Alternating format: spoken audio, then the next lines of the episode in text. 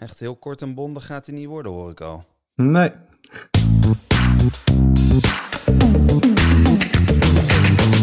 Welkom bij Stoppraatjes, de podcast over de live muziekindustrie. Met John van Luijn en Gideon Karting. Ja, John. Ja, we houden het kort en bondig. En daar ben jij de meester in, heb ik begrepen. Dus ik zou zeggen, trap af.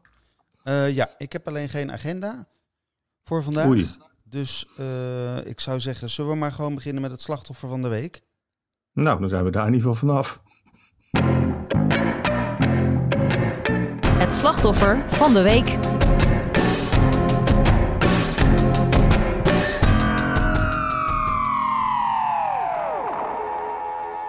Ik vond eigenlijk eh, in eerste instantie dat ik dat zelf was. Ja, maar ja, dat, is, eh, dat kan natuurlijk niet, hè? Nou ja, ik, ehm, ik eh, wilde graag op de gastenlijst bij eh, de stream van Kensington. Dat heb je me verteld, ja. En toen kreeg ik daar een nee op, omdat ze bang waren dat ik hem dan op StreamSwap zou zetten. Uiteindelijk kan ik dus wel eh, bevestigen dat ik voor de livestream van Kensington uiteindelijk toch op de gastenlijst stond. Ik bedoel, die kaarten waren er dus. Ik heb hem gezien. Ik was er best wel trots op. Het is een goede grap. Ik stond op de gastenlijst voor de livestream. Hoe halen mensen het in hun hoofd om te vragen of ze gratis naar een stream mogen kijken? Nou, ik, het is wel heel bizar dat je dit zegt. Ik, ik, ik krijg net een mailtje van Paradiso. Dat eh, voor de livestreams die eh, binnenkort in Paradiso zijn. Dat ik daar mijn paspartout niet voor kan gebruiken. Omdat de gastenlijst eh, gelimiteerd is tot nul. En ik dacht bij mezelf van ja, logisch toch. Ik zou het niet in mijn hoofd halen om me aan te melden als gast voor zoiets. Je weet hoe, dit is wel heel beperkt allemaal. Dus ja, ik- apart. Ja, maar, maar je wil zeggen de slachtoffer van de week. Ja, Maar- dat was natuurlijk Kensington, omdat zij... Kensington. En waarom? Ja, nou ja, dus ik, ik heb natuurlijk eh, ingelogd met mijn gratis eh, code. En eh, na, nou, toch na... Kijk, meestal loop ik gewoon na drie nummers weg hè, bij concerten. Dan heb ik Ja. het wel gezien, dan weet ik wel hoe, hoe of wat. Maar hier was bij het derde nummer, liep, liep de stream gewoon vast. En dat heeft zo'n Oké. 20 minuten geduurd. En Dus eh, ja, technische problemen. En eh, ja, het publiek was, eh, wat, er, wat er dan als streamend bij was, wa- was niet mals. En dan denk Hoeveel mensen ging het om? Ja, dat weet dat kan ik niet zo goed achterhalen. En, en die hadden een ticket betaald? 13 En die moeten nu allemaal terugkrijgen of krijgen ze een foutje? Nee, ze hebben uiteindelijk hebben ze de, de show alsnog in hun inbox gekregen. Maar jongens, eh, we, kunnen, we kunnen duidelijk zijn, ze hebben hun nek uitgestoken. En eh, nou, dat is even mislukt. Dat is heel vervelend voor de boys van Kensington. Eh, volgens mij is het daarna met Danny Vera en Crespo zo wel allemaal goed gegaan. Maar ik vond het... Nou, ik... Ja, nou ja, jij zegt dat het slachtoffer van de week Kensington is natuurlijk heel vervelend dat het misgaat met zo'n stream. Eh, bij een relatie, voor zover die al is met Kensington, die wordt eigenlijk steeds gekker. Want ehm, hij begon ooit met mijn dochter die in de garderobe bij Tivoli werkte. En die zei, ja, er was iemand en die wilde zijn jas niet ophalen. Maar toen kreeg ik een kaartje in mijn hand, want dat was dan een track van zijn nieuwe band. Waarop zij zoiets had van, ja, eh, gek, je moet gewoon je jas ophalen. En als je het nu niet doet, dan, eh, dan gooi ik hem in een hoek.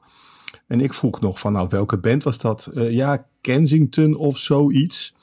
Dus toen dacht ik bij meteen bij mezelf van, nou, dat is dus een Utrechtse band. En eh, hm, blijkbaar een beetje dronken gekke gastjes of zo. Eh, vervolgens eh, wordt het een hele bekende band. En heb ik daar helemaal geen enkele mening over. En spelen zij bij mijn favoriete voetbalclub in de rust of voor de, voor de wedstrijd. En wordt vanaf dat moment het nummer War gebruikt om iedere, in de pauze van iedere wedstrijd te worden gedraaid. Waardoor je dus echt het gevoel krijgt van, hé, hey, ik hoor dat nummer. Dat voetballen gaat weer beginnen. Jij nodigt de manager een keer uit, Cedric, bij ons, de gast. Ontzettend aardige, grappige jongen. Eh, ja, echt een goede gast. Ik kom toevallig op de allerlaatste avond voor de lockdown. Kom ik Jan van Kensington tegen. Die kende ik helemaal niet. Bleek een hele aardige vogel te zijn. En gisteravond zit ik te kijken naar eh, 50 jaar Pinkpop en daarna Pinkpop 2020 en nog wat. En ik zie een interview met eh, twee Kensington-leden, waaronder Casper. En die man die zei echt alleen maar zinnige dingen. En ja, het begint zo langzamerhand, ik begin gewoon helemaal fan te worden van die band. jongens, jongens, jongens. Dan hebben we ehm, nog een slachtoffer van de week, denk ik. Ja, Het slachtoffer van de week.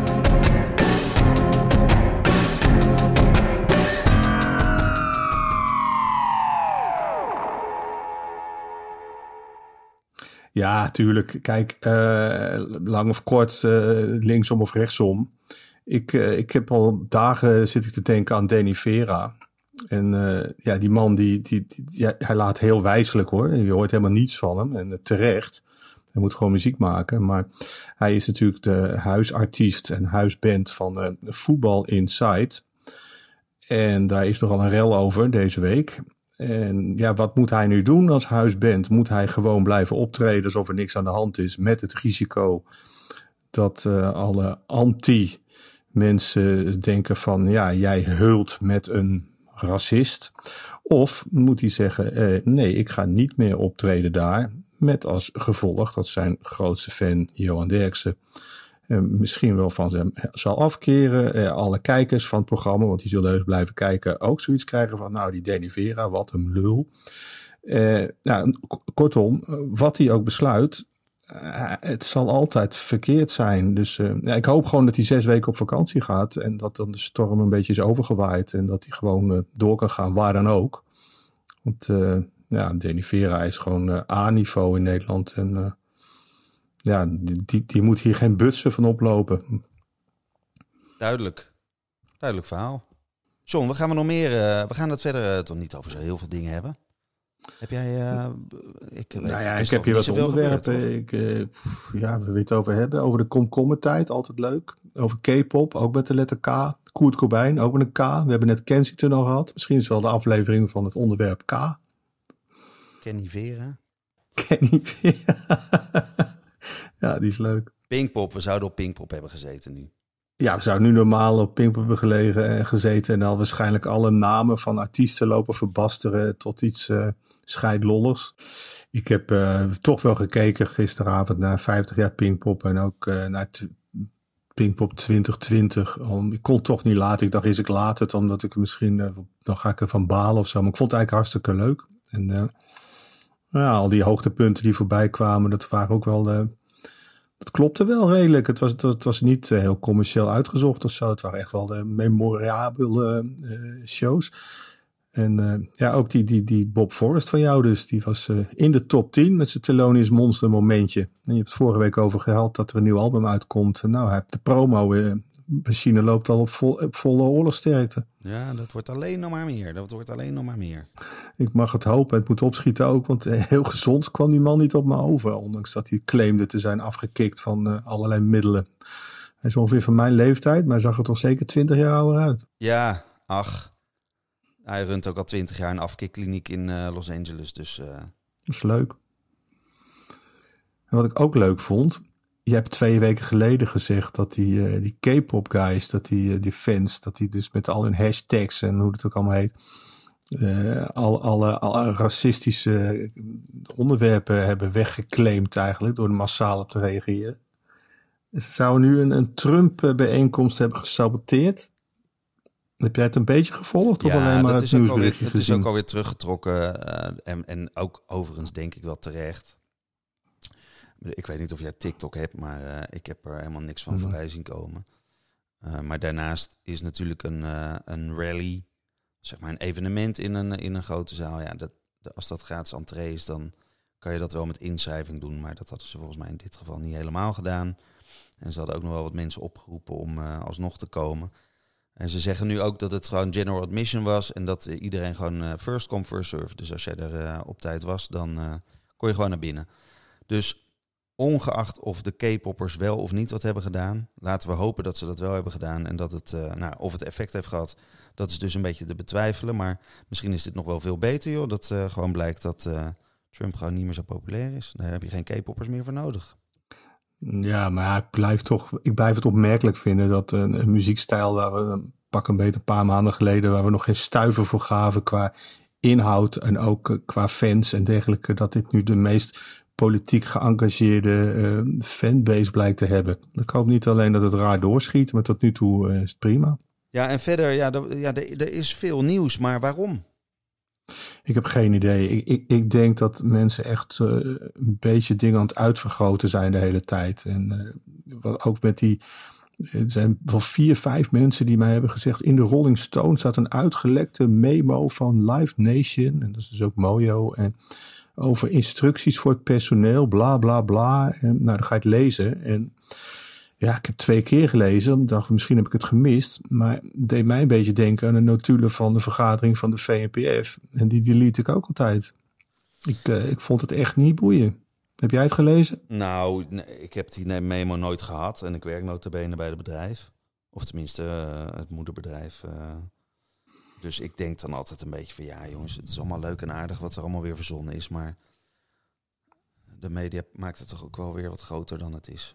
Ja, ik denk onder normale omstandigheden dat zo'n zo'n notitie van Live Nation, als die bij Rolling Stone zou zijn terechtgekomen, dat die gewoon direct de prullenbak was ingegooid. Dat denk ik. Je bent verdomde mild vandaag, uh, moet ik zeggen. Maar dankjewel daarvoor. Dat scheelt mij ook weer uh, wat uh,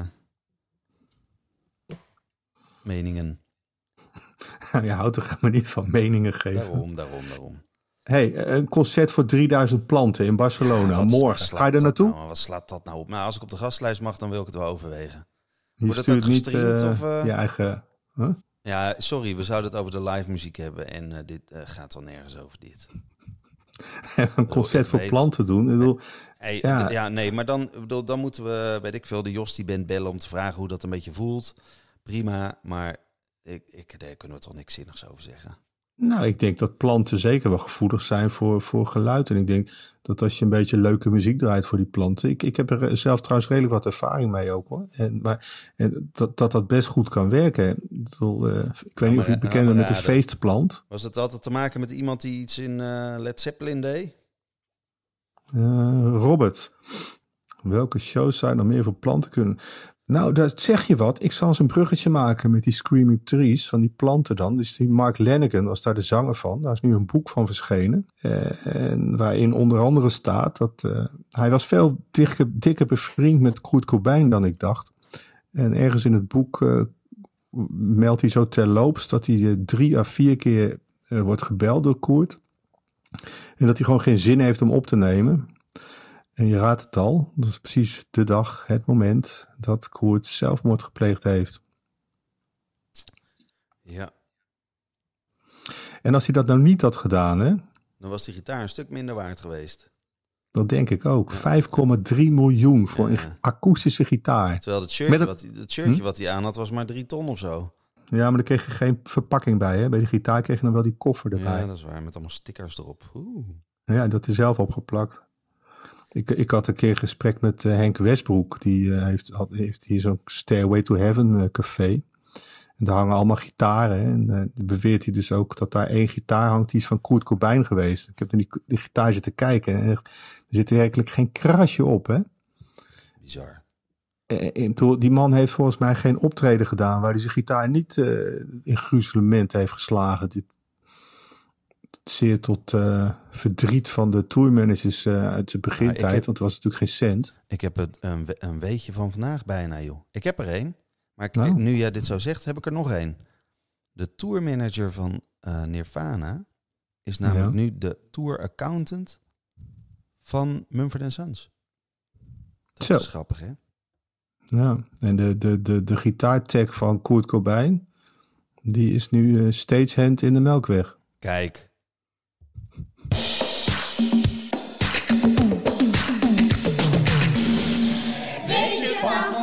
Ja, dat is een hele belangrijke, een hele belangrijke. Namelijk, ik heb namelijk het Guinness Book of Records opengeslagen. En daarin heb ik opgezocht, wat is het grootste concert ooit ter wereld? Is volgens mij van Beppe Rosso of zoiets. Een Italiaanse rockzanger. Die is buiten Italië een show gedaan voor ik weet niet hoeveel mensen, maar volgens mij is dat die show. Maar als ik het mis heb, mag jij me nu corrigeren. Ik corrigeer je. Het was namelijk Rod Stewart op 31 december in 1994 uh, in Brazilië. Hoeveel mensen? 4,2 miljoen. Allemaal een kaartje gekocht? Nee, het was een gratis concert. En Oeh. ze zeggen er wel bij dat, er, uh, dat het wel waarschijnlijk is dat de mensen uh, ook voor het vuurwerk kwamen. Maar hij staat officieel in de boeken.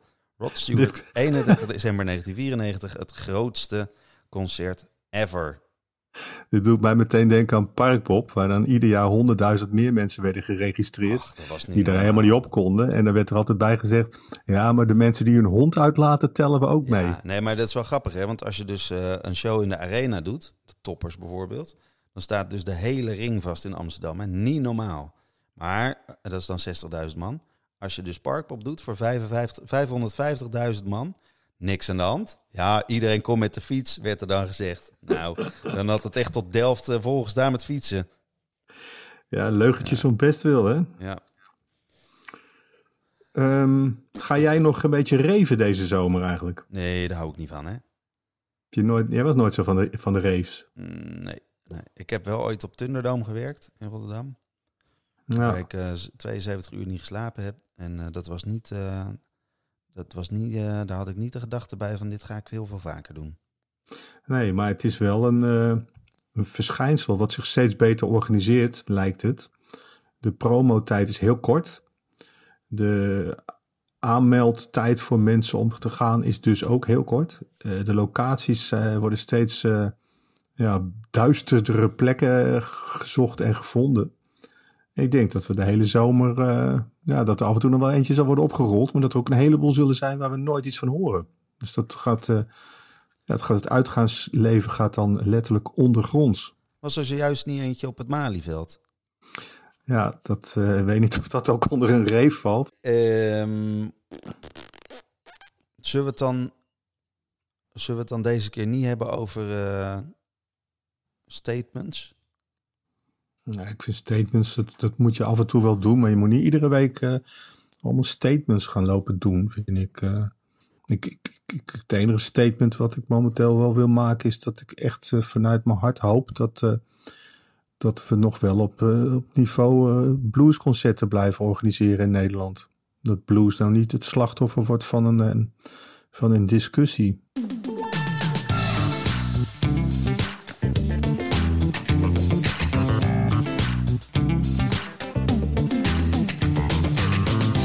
Dank voor het luisteren naar misschien wel de slechtste aflevering van Stokpraatjes. Word daarnaast vooral lid en vind ons leuk. Tot de volgende.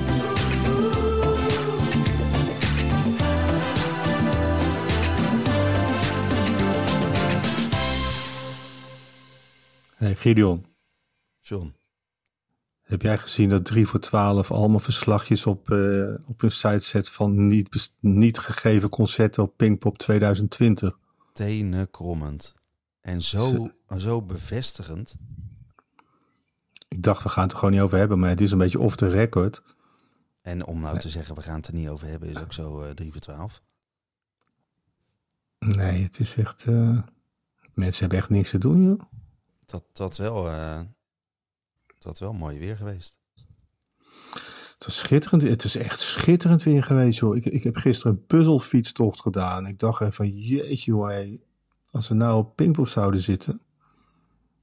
Dat was wel een stukje... Nou, die puzzeltocht was ook leuk trouwens. Maar ja, ik was toch liever gewoon... Ja, ik was eigenlijk ook gewoon... Ik vind het toch wel jammer eigenlijk.